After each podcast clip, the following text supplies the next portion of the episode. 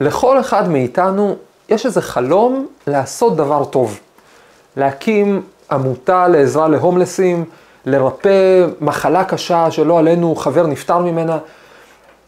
ואיך שאנחנו מתחילים לחשוב על החלום הזה, ישר ברור שיש לפניו איזה מחסום. זה הר עם מחסום לפניו. אה, מחסום כמו אה, מה אני מבין בכלל בעמותות, או מה אני בכלל מבין בלרפא מחלות, אני אפילו לא, לא רופא או ביולוג או חוקר וכולי.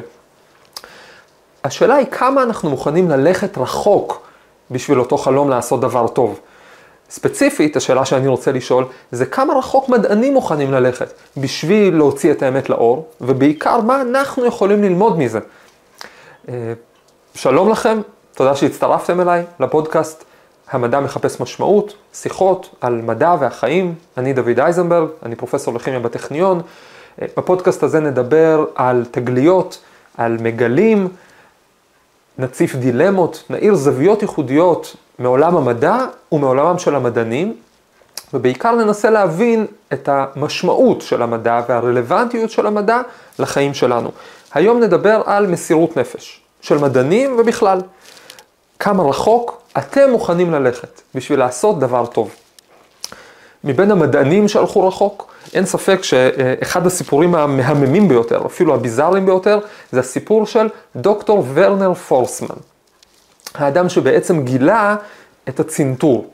עכשיו, נכון לזמנו, אף אחד מעולם לא הצליח להגיע עם צינור ללב בבן אדם. הצליחו להגיע בכמה חיות. והוא רצה לדעת, האם אפשר לעשות כזה, אה, האם אפשר לתקוע צינור איפשהו בגוף, לדחוף את הצינור כל הדרך ללב, והאם הבן אדם ימות. הוא כמובן לא ידע מה יקרה. הוא ביקש מהמנהלים שלו רשות אה, לבדוק את זה, אה, אבל הוא לא קיבל אותה. הוא הציע להם לבדוק את זה על עצמו אפילו, אבל הם לא הרשו לו. אז הוא החליט לעשות את זה בכל זאת. אה, בעזרתה של אחות, שלא בדיוק ידעה מה עומד לקרות, הוא אפילו באיזשהו שלב קשר אותה כדי שהיא לא תראה מה עומד לקרות, היא רק עזרה לו לחטא את הכלים, אבל הוא לקח צינור, הוא תקע אותו לעצמו ביד, בווריד, הוא דחף אותו כל הדרך עד שהוא חשב שאולי הוא יגיע ללב ואולי לא. ככה עם הצינור ביד, הוא ירד כמה קומות ל-X-ray, נעמד שם מול המכונה ועם מראה הצליח לזהות את הצינור בתוכו, דחף את הצינור כל הדרך עד שהוא הגיע ללב ולקח תמונה של זה. התמונה של זה קיימת. עכשיו, הוא, אמ, אחרי שהוא לקח את התמונה הזאת, והוא הראה את התמונה הזאת למנהל שלו, אה, המנהל שלו אמר לו שהוא עשה תגלית גדולה ושהוא מפוטר. אה, באמת די החיים שלו משם הידרדרו, אבל אין ספק שגם אה, בפיטורים יש בהם משהו הגיוני, כי, כי לך תדע מה הפסיכי כזה, סליחה, הולך לעשות בפעם הבאה.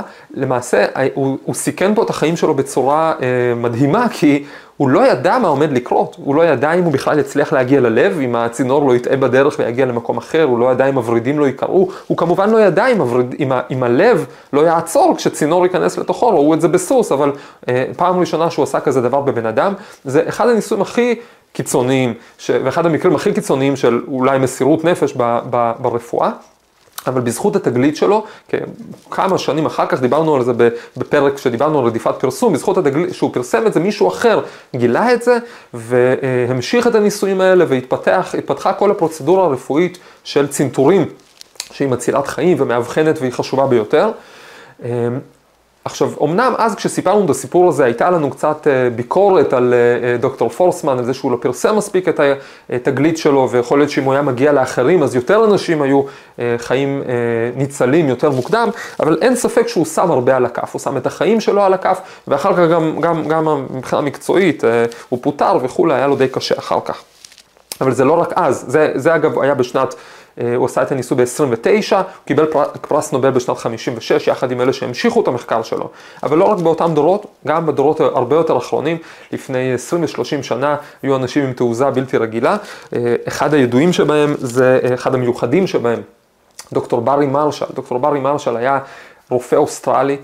רופא משפחה בלי אמביציות גדולות, בא ממשפחה ענייה ולא רצה לעשות הרבה, אבל הוא שם לב לתופעה מוזרה, הוא והפתולוג של המרכז הרפואי שבו הוא עבד באוסטרליה, הם שמו לב שאנשים שיש להם אולקוס, וגם אנשים שיש להם, לא עלינו, סרטן קיבה, יש להם יש, יש, הם מוצאים בתוכם אחר כך בגוף חיידק מסוים בצורה סלילית כזאת, הליקובקטר פילורי, והוא חשב אולי האולקוס שיש להם נגרם על ידי החיידק.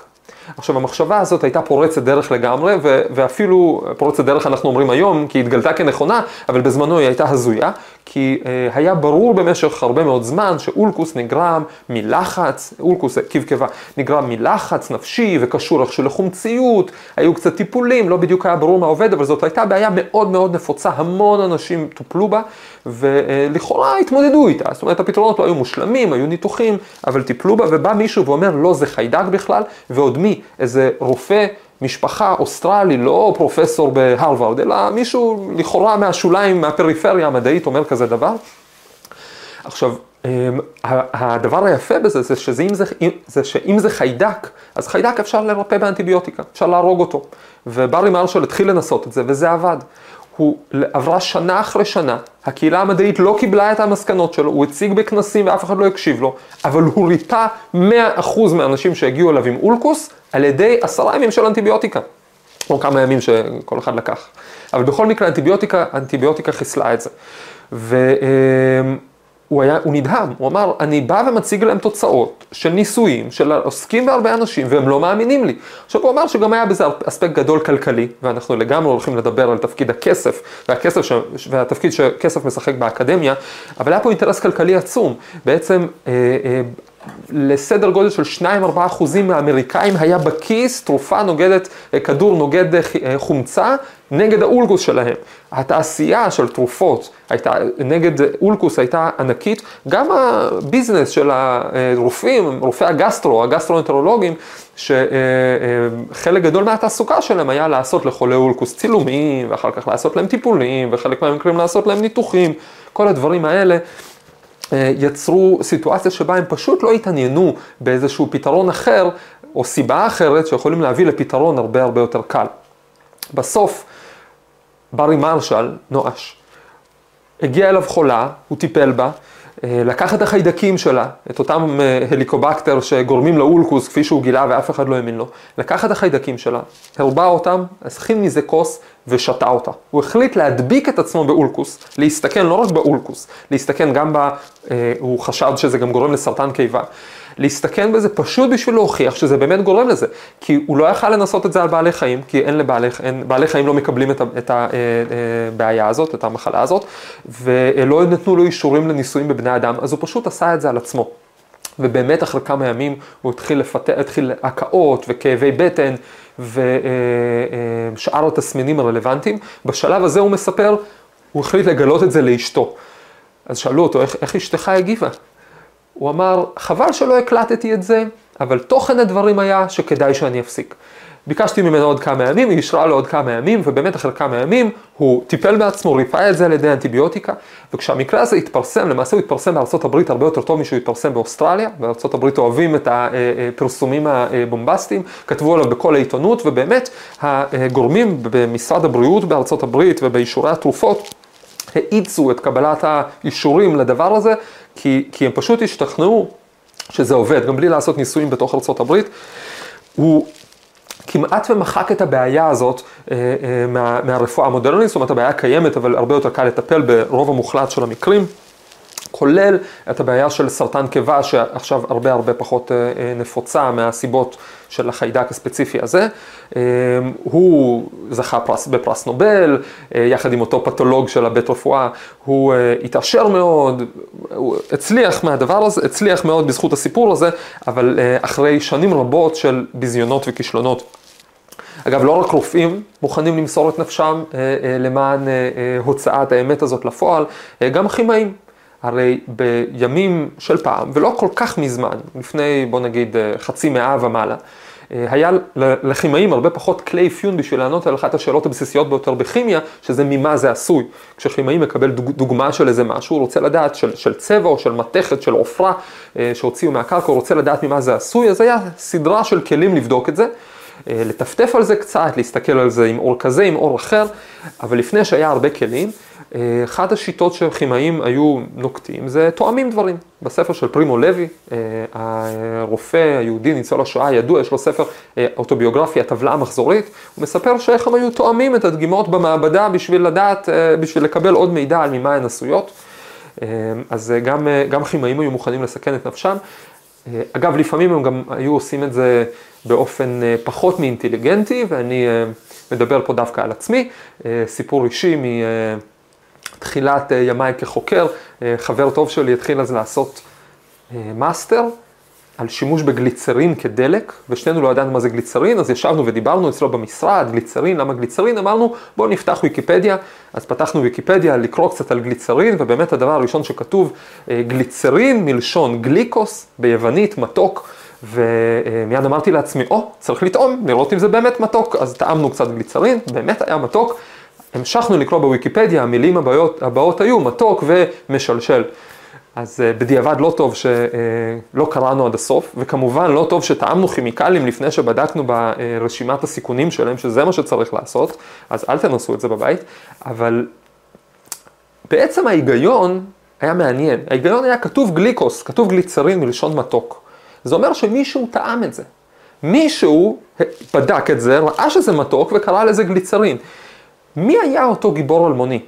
אגב, אנחנו חייבים המון לגיבורים אלמונים כאלה. לא רק ורנר פורסמן, ממציא הצנתור, ולא רק דוקטור ברי מרשל, אה, מגלה אה, זה שהליקובקטר גורם לאולקוס. תחשבו כמה אנשים, גיבורים אלמונים, בשנים הפרה-היסטוריות, הלכו וטעמו כל מיני דברים בלי לדעת מה יקרה.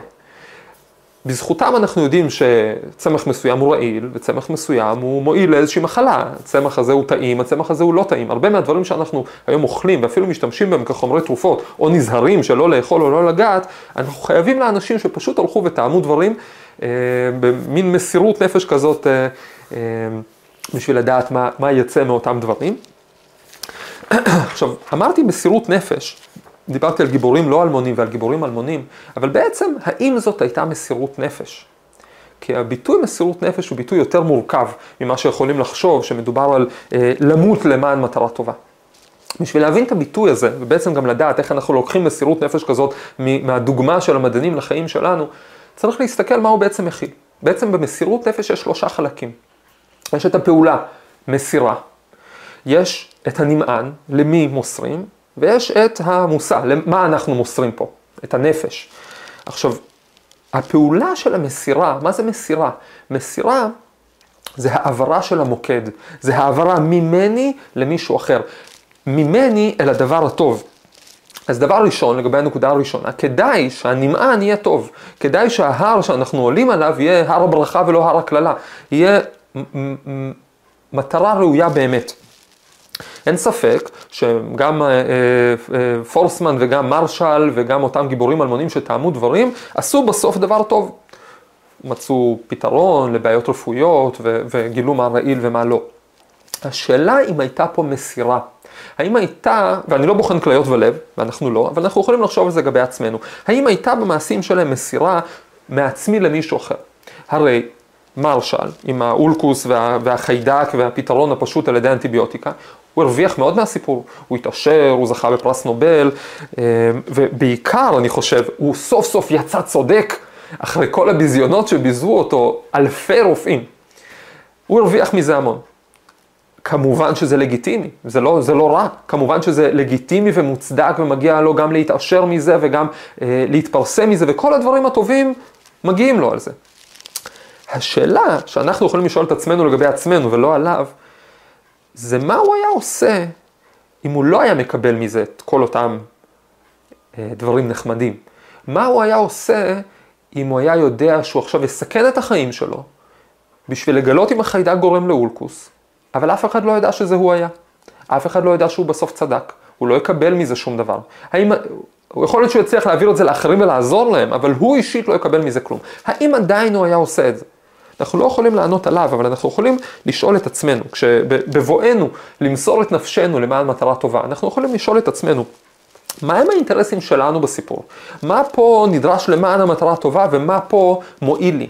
מה שזה עוזר זה להבהיר את ההחלטה, שאם למשל אני מפסיד מזה משהו, או לא מרוויח משהו שיכולתי להרוויח, האם זה מעפיל על ההחלטה שלי לעשות את הדבר הטוב? עכשיו, גם אם יש אינטרסים, זו דרגה גבוהה מאוד, להסתכן ולהקריב את עצמך ולמסור את נפשך למען דבר טוב, אבל זה אולי עוזר לגלות מהי המטרה הנכונה בלי שאינטרסים יעפילו עליה. אגב, גם אה, פורסמן עם הצנתור, שהוא לכאורה לא פרסם את זה והוא כמעט לא הרוויח מזה כלום, הוא קיבל, כשהוא קיבל פרס נובל הוא היה רופא כפרי באיזה כפר והוא אמר ש, שהתחושה הייתה כשמודיעים לך שאתה זוכה בפרס נובל זה כמו לקחת איש מערות ולמנות אותו לנשיא, הוא, הוא, הוא, הוא לא כל כך הבין אפילו מה קורה. אבל מצד שני, אני חושב שחלק גדול ממה שהניע אותו היה פשוט סקרנות. הרי הוא פרסם את התגלית שלו והמשיך הלאה. למה היה לו כל כך חשוב לבדוק אם זה יכול להגיע ללב או לא? הוא קרא מאמרים על סוסים, והוא החליט לבדוק את זה גם על בני אדם. עכשיו, סקרנות זה כמובן רגש חיובי, זה רגע שמניע את הגלגלים של המדע ומשמן אותם. אבל זה גם רגש, זה גם עניין אנוכי קצת, או יכול להיות. בן אדם מסתכל, הוא לא מבין, הוא רוצה להבין, הוא חוקר, הוא מגלה את התשובה לשאלה שהוא חקר והוא ממשיך הלאה.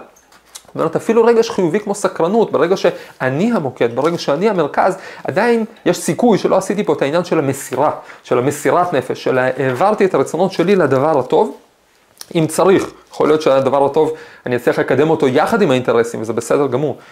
אבל בשביל לקבל החלטה כדאי להבהיר בין כל הדברים. החלק השלישי הוא כמובן מה אנחנו מוסרים. אנחנו מוסרים את הנפש, אנחנו מוסרים את העצמיות. הביטוי הפשוט למסור את הנפש נשמע כמו למות למען מטרה טובה. אבל אה, אמרו כבר שיש פתגם כזה שאומר יותר קל למות על קידוש השם מאשר לחיות על קידוש השם. למה? כי למות למען מטרה טובה זה אקט הירואי, זה אקט קשה, אבל זה אקט, זה חד פעמי. בן אדם הולך על זה וזהו. לחיות למען מטרה טובה, זה לעשות את זה על בסיס יומיומי. זה לקום כל יום ולפעול למען מטרה טובה. ובהרבה מובנים זה יותר קשה, ובוודאי שזה אה, אה, גם יותר ראוי, כי אפשר להרוויח ככה יותר בטווח הארוך. אז מה ראינו? ראינו שאם לבן אדם יש מטרה טובה, אמיתית, יש לו כוחות למסור את נפשו עליה. אה, ולהתאמץ ולהגיע רחוק. אה, ראינו שצריך לדעת לבחור את המטרה הזאת, ולא נתנו פה תשובות, זה שאלות פתוחות שכל אחד ישאל את עצמו. שבן אדם צריך ללמוד להכיר את עצמו יותר ויותר כדי לברר מה פה אינטרס שדוחף אותו, מה פה אינטרס שמעכב אותו, כדי שיוכל באמת למסור את נפשו למען אותו דבר טוב. ובעיקר, למען הדבר הטוב לא צריך למות, צריך לחיות. בהצלחה.